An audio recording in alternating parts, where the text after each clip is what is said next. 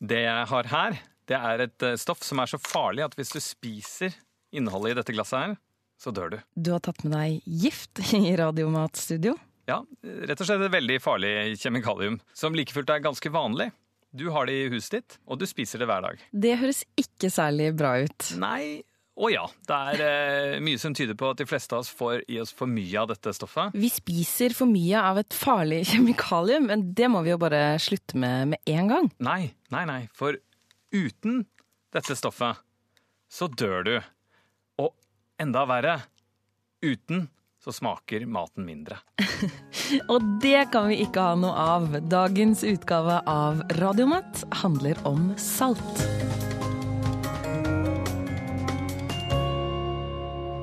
Den italienske futuristen Filippo Tomassi Marinetti drømte om at en gang i fremtiden så ville man kunne formidle mat gjennom radio, at man rett og slett spiste det man hørte.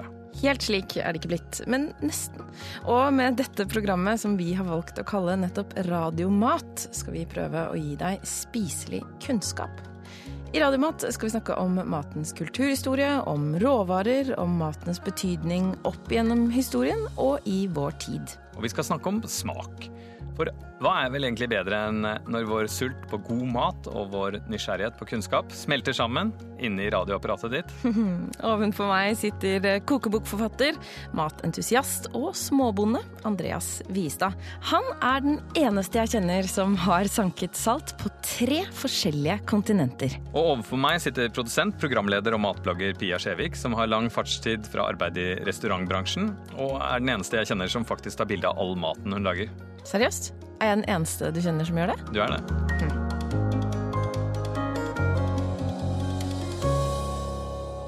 Og i dag skal vi altså snakke om salt. Salt er en ting vi ofte tar for gitt.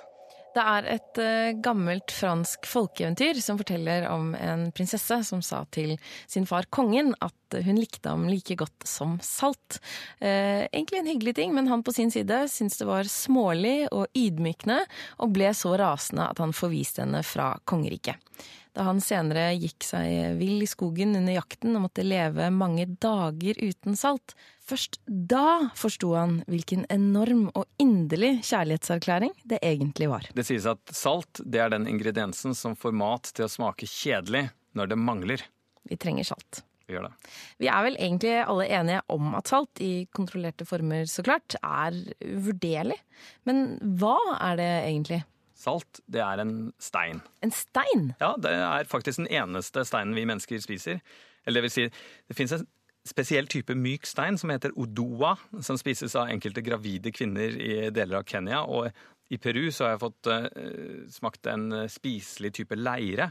Men uansett, med disse unntakene så er salt den eneste steinen vi mennesker spiser, og vi spiser den alle sammen. En helt vanlig stein er det vel kanskje ikke? Man kan jo ikke bare gå bort til et fjell og kakke av en bit? Noen steder så kan du faktisk det, men det skal vi komme tilbake til.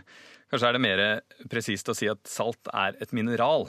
Det fins mange ulike typer salter, men det vi kaller salt, altså det vi bruker til å salte pastavannet eller til å krydre biffen, det er en ganske spesifikk ting natriumklorid. Seinere i programmet skal vi forsøke oss på en gjennomgang av ulike typer salt. Men selv om det er veldig stor forskjell, og jeg er en saltentusiast som liker å smake forskjellen, så er det viktig å huske på at kjemisk sett så er det nesten det samme.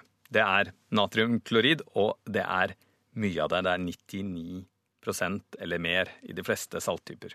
Og med dette som utgangspunkt skal vi begynne med å gå tilbake i historien.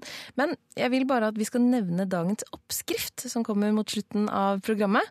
Der skal du bruke en hel del salt. Ja, det kan du trygt si. Det krever at man bruker mellom to og tre kilo salt. Mange ganger dødelig dose, med andre ord. Ja.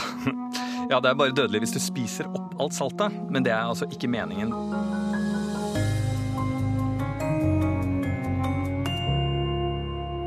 Det er mye fokus på salt og helse, og selv om dette ikke er et helseprogram, så kommer vi ikke helt unna den problematikken. Men la oss begynne i den andre enden enn der hvor man vanligvis snakker om salt. Hva skjer hvis man ikke får i seg salt? Det er enkelt, da dør man. Da dør man? Ja. En veldig, veldig ubehagelig død. Cellene sveller opp, organene sveller opp, og Det fremstår som en, eh, en slags forgiftning. Det er vel ikke særlig vanlig? Vel, Hvert år så er det noen tilfeller. Det er særlig idrettsfolk som har drukket veldig mye vann uten å få i seg salt. Eh, og Noen ganger så er det ungdommer som har konkurranser om å drikke mest mulig vann. Og det er noen ganger også folk som har tatt partydop og som ikke helt klarer å liksom, regulere vanninntaket. Men det finnes også noen berømte eksempler. Eh, du vet Andy Warhol. Mm -hmm. Familien hans anklaget sykehuset der han døde for å være ansvarlig for å ha drept han gjennom vannforgiftning. Og for å lese mer om det kan du gå inn på NRK Radiomat sine Facebook-sider. Hvor mye salt uh, trenger vi egentlig? Man trenger ikke så veldig mye. altså Avhengig av hvor aktiv man er, så trenger man minst 300 milligram. Det er veldig, veldig lite. Men eh, så bør man ikke få i seg mer enn eh, tre-fire gram salt.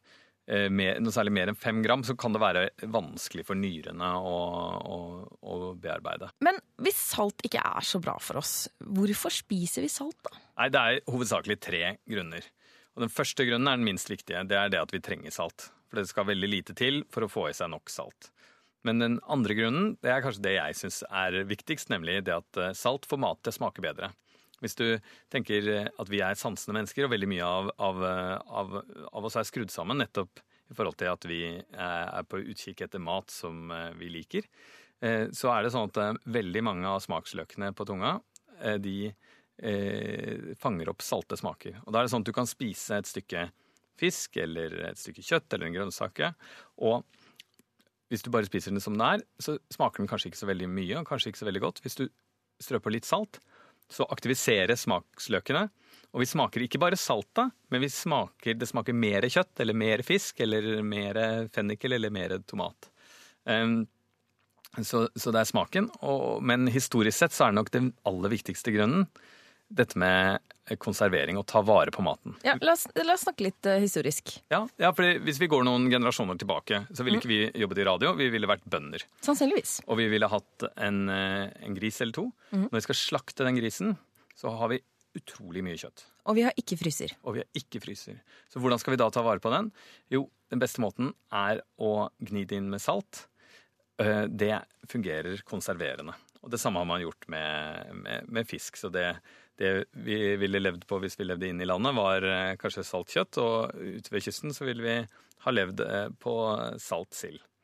Og det har da vært veldig nyttig for oss, men det har også gjort at eh, vi som kultur har blitt veldig huka på salt. Vi er eh, vokst opp med det smaksbildet. Er det spesielt for oss i nord? Jeg tror det er veldig mange, veldig mange, kulturer som har det, men det finnes også noen kulturer som ikke har det. Jeg var nylig inne i Amazonas, og da tok det veldig lang tid for meg å kjenne igjen smaken, fordi de brukte ikke salt. Eh, de, jeg opplevde ikke at de brukte tilsatt salt når jeg var inne i indianerlandsbyen der. Og da var det masse sånne linnende, rare smaker som oppførte seg på en helt, helt annen måte. Eh, og det er nok mange andre kulturer også som har klart seg med veldig lite, veldig lite salt. Men de fleste kystkulturer har i hvert fall hatt eh, bra tilgang til ulike typer salt. Du lytter til Radiomat. Følg oss på FaceTag. Facebook og Instagram. Der heter vi NRK Radiomat. Jeg kan ta sosiale medier, Andreas, og så kan du begynne med historien. Fortell oss om saltets historie. Ja, Du vet hva tegnet på en riktig betydningsfull matvare er? Nei. Det er at den kan si noe om hvorfor Roma ble grunnlagt. det snakket vi også om eh, da vi lagde et program om brød. Og da sa du at Roma ikke ble grunnlagt på en dag, men på hvete. Ja, nettopp. Overskuddet fra hveteproduksjonen gjorde det mulig å samle inn skatt. Det gjorde det mulig å holde seg med en stor hær. Det gjorde det mulig å sørge for at befolkningen i Roma ikke gjorde opprør ved at man ga dem billig brød og sirkus. Men hvorfor ligger Roma akkurat der Roma ligger? Ikke den vakreste delen av landet, og det ligger heller ikke ved kysten. Men nedenfor, nederst i Tiberen, så lå det gamle saltmarker. Og Roma er fortsettelsen av en bosetning langs den gamle handelsruten som het Via Salaria, altså Saltveien. Hvem handlet de salt med? Du kan si at eh, Salt ble eh, en viktig handelsvare. Det var kanskje den første regionale handelsvaren. Vi skal snakke mer om krydder i et senere program. Og krydder var den første globale handelsvaren, men i Europa så ser man at veldig mange av de første handelsveiene handlet om at man eh, skulle selge eh, salt. Og det har sammenheng med landbrukssamfunnet. Hvorfor det? Hvordan Jo, fordi at når vi eh, var nomadiske, så sanket vi en rekke ulike ting, og da visste vi å få i oss en eh, blanding av ulike næringsstoffer. Og da fikk vi også i oss nok salt, antageligvis bare gjennom det kjøttet vi spiste, og gjennom eh, å vite at vi eh, spis, kunne spise ulike typer urter som bandt salt på en eh, spesiell måte. Eh, Og man ser også at f.eks. masaiene i Kenya de spiser ikke noe salt, men de drikker av og til blod, og de får i seg salt på den måten. Og jeg har vært på besøk hos noen nomadiske folk i Sibir som heter nenetene. Og de får også i seg en ganske balansert kosthold ved at de sanker ting i naturen, og de spiser ganske mye kjøtt. Men etter hvert som vi ble landbruksfolk, så holdt vi oss selv fanget på et litt begrenset område. Vi begynte å spise færre og færre ting. Så vi trengte salt, og dyrene trengte salt. Så en ku trenger også kanskje ti ganger så mye salt som et menneske. Så derfor så ble det veldig viktig at de stedene som hadde et overskudd av salt, de solgte det til andre, andre steder hvor det kanskje var bedre landbruksforhold, men hvor du ikke hadde bra tilgang til salt. Og sånn eh, ble det utveksling eh, mange, mange steder i Europa. Man jo, det er mange som kjenner til eh, byene Salzburg og Halbstadt i Alpene. Der hvor det er rett og slett eh, saltgruver. Du kan eh, hakke deg inn og finne store eh, klumper med, med salt. Men eh, også byer i England som slutter på witch. Norwich, eksempel. Nei, Eh, du det? Det, er typisk eh, eh, byer hvor det har vært eh, ulike typer saltverk. Og selv har jeg vært på byen Sal i Kapp Verde. Eh, Det betyr rett og slett salt. Og på Cecilia så er det nydelig hvis man reiser til vestkysten av Cecilia, til en by som heter Trapani. Utenfor der så er det fortsatt sånne store sletteområder med eh, vindmøller. Og der er det en, det man kaller en saltmark. Og da har du eh, da er det gjerdet inn områder i sånne små jordlapper. Og så står det vindmøller som pumper først saltvann fra havet og inn på et jorde. Ja. Der fordamper det litt, og så er det en ny vindmølle som, som, eh, eh, som pumper det videre, og så videre. Og så i den siste så får de da ligge inntil alt vannet har fordampet, og da kan du bare løfte det opp. Og så får du noen små biter av eh, leire med, eller urenheter, men, men i utgangspunktet så får du, har du da på en måte Det er veldig sånn pedagogisk fin ting ved at du kan se at eh, i Middelhavet utenfor så er det kanskje 3,6-3,7% salt, og så er det høyere og høyere saltkonsentrasjon inntil du da har det vi gjenkjenner som salt.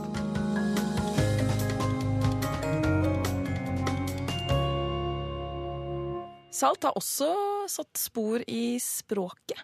Ja, for ordet soldat, det kommer opprinnelig fra eh, ordet salt. Har tatt eh, turen fra latin via fransk. Eh, og hadde sammenheng med at eh, soldater fikk sitt salær, som også er ordet salt. De fikk altså utbetalt lønna si i salt. Og vi kjenner også et dagligdags begrep fra matverden. Salat. Vi tenker på salat som Salat. Men egentlig så handlet det om at man saltet grønnsaker. Eh, Både for å ta vare på det, men eh, romerne trodde også at, eh, at det fjernet bitterstoffene. At grønnsaker i utgangspunktet ikke var sunt for en, med mindre man hadde saltet dem godt. Det at man får utbetalt lønn i salt, det vil jeg si at sier ganske mye om hvor viktig saltet var. Ja, det var en av de liksom, grunnleggende tingene i, i livet vårt. Og jeg begynte jo med en, en sånn historisk saftighet, nemlig at eh, Roma delvis var grunnlagt eh, på salt. Det andre liksom, saftige tegnet på at en matvare har vært veldig betydningsfull, det er at den har vært med i den franske revolusjon. Aha. Og alle kjenner jo at, eh, at det folk eh, ropte etter eh, under den franske revolusjonen, var, var brød, og at revolusjonen hadde sammenheng med brødprisene. Men det var også en annen ting som var forferdelig upopulær, og det var en saltskatt. Den hadde blitt innført på 1400-tallet i Frankrike. Og den ble avviklet i forbindelse med revolusjonen i 1790. Så du kan si at eh, saltet, det var der på barrikadene også. Du hører på Radiomat, og i dag handler det om salt. Andreas, du er en lidenskapelig saltsamler. Ja, jeg, jeg reiser en del, og jeg syns det er veldig hyggelig å kjøpe med meg noe hjem. Og jeg har nesten sluttet å, å, å kjøpe suvenirer, men jeg, jeg liker å kjøpe meg spiselige ting.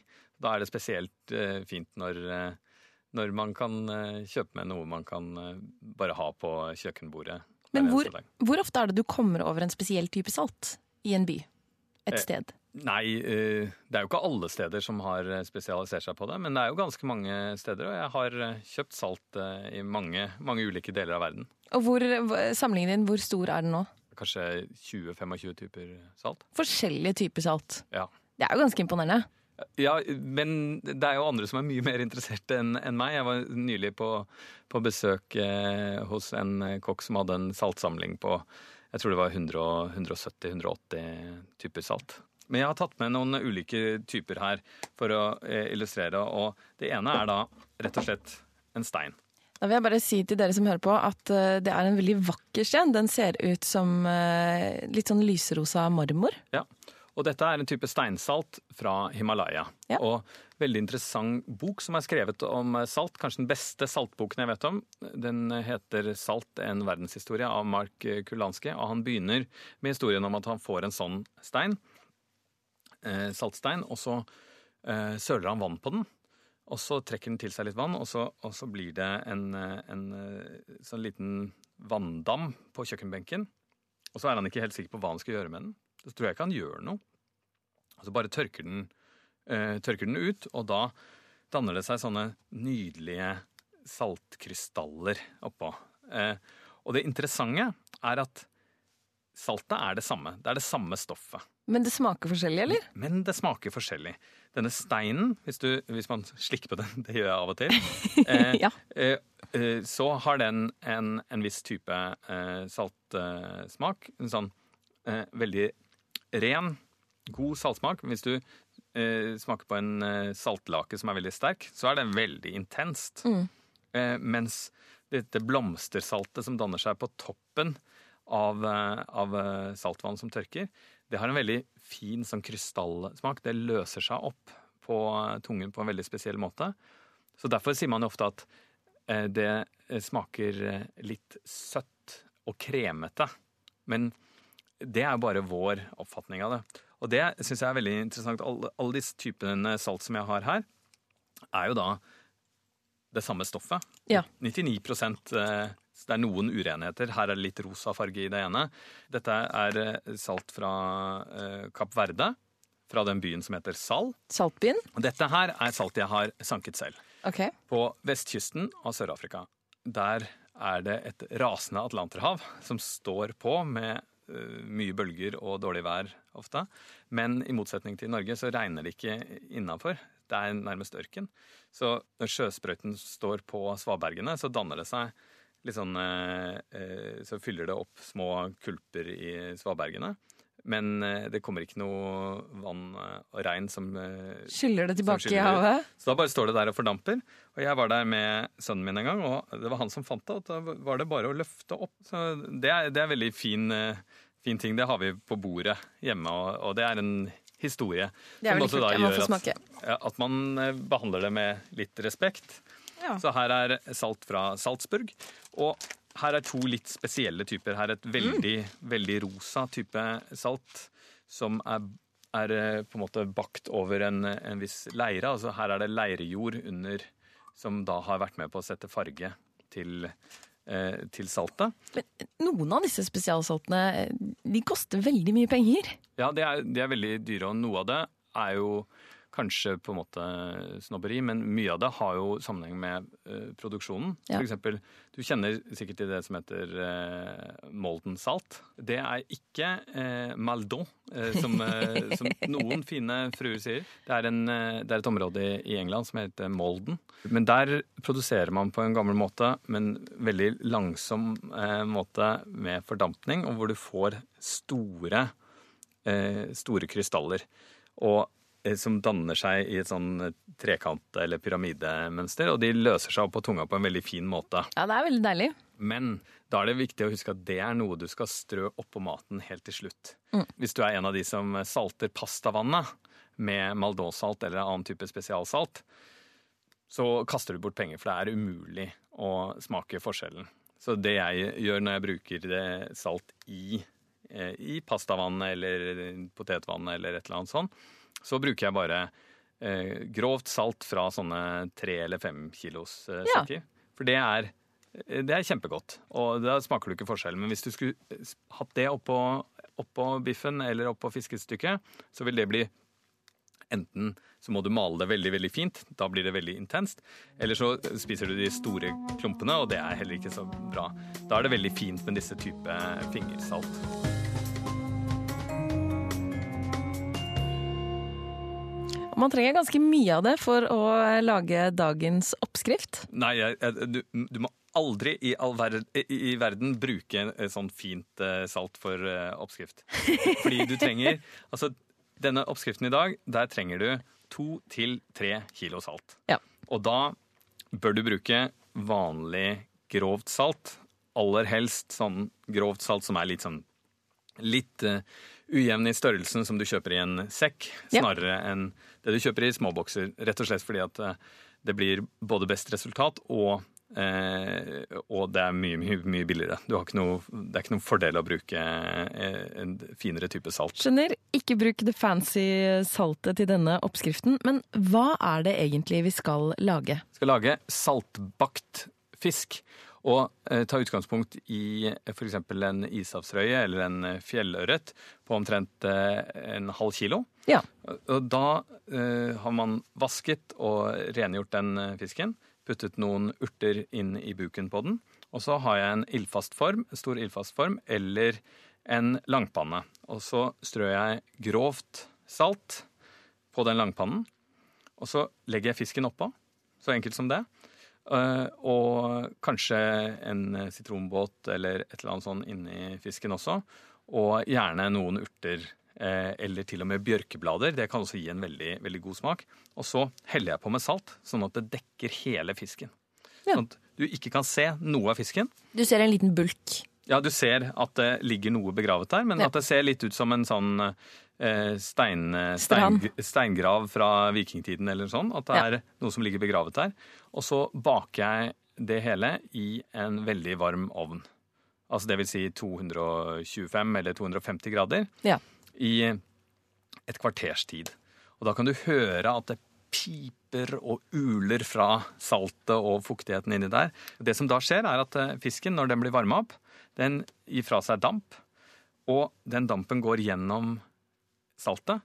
Og saltet det smelter eller går delvis i oppløsning, men så danner det faktisk en, en skorpe rundt fisken, sånn at du får nesten som en, eh, som en bitte liten bakerovn ut av, eh, av saltet. Og når man da tar ut fisken etter et eh, kvarter 20 minutter, så er den da pakket inn i en helt hard skorpe.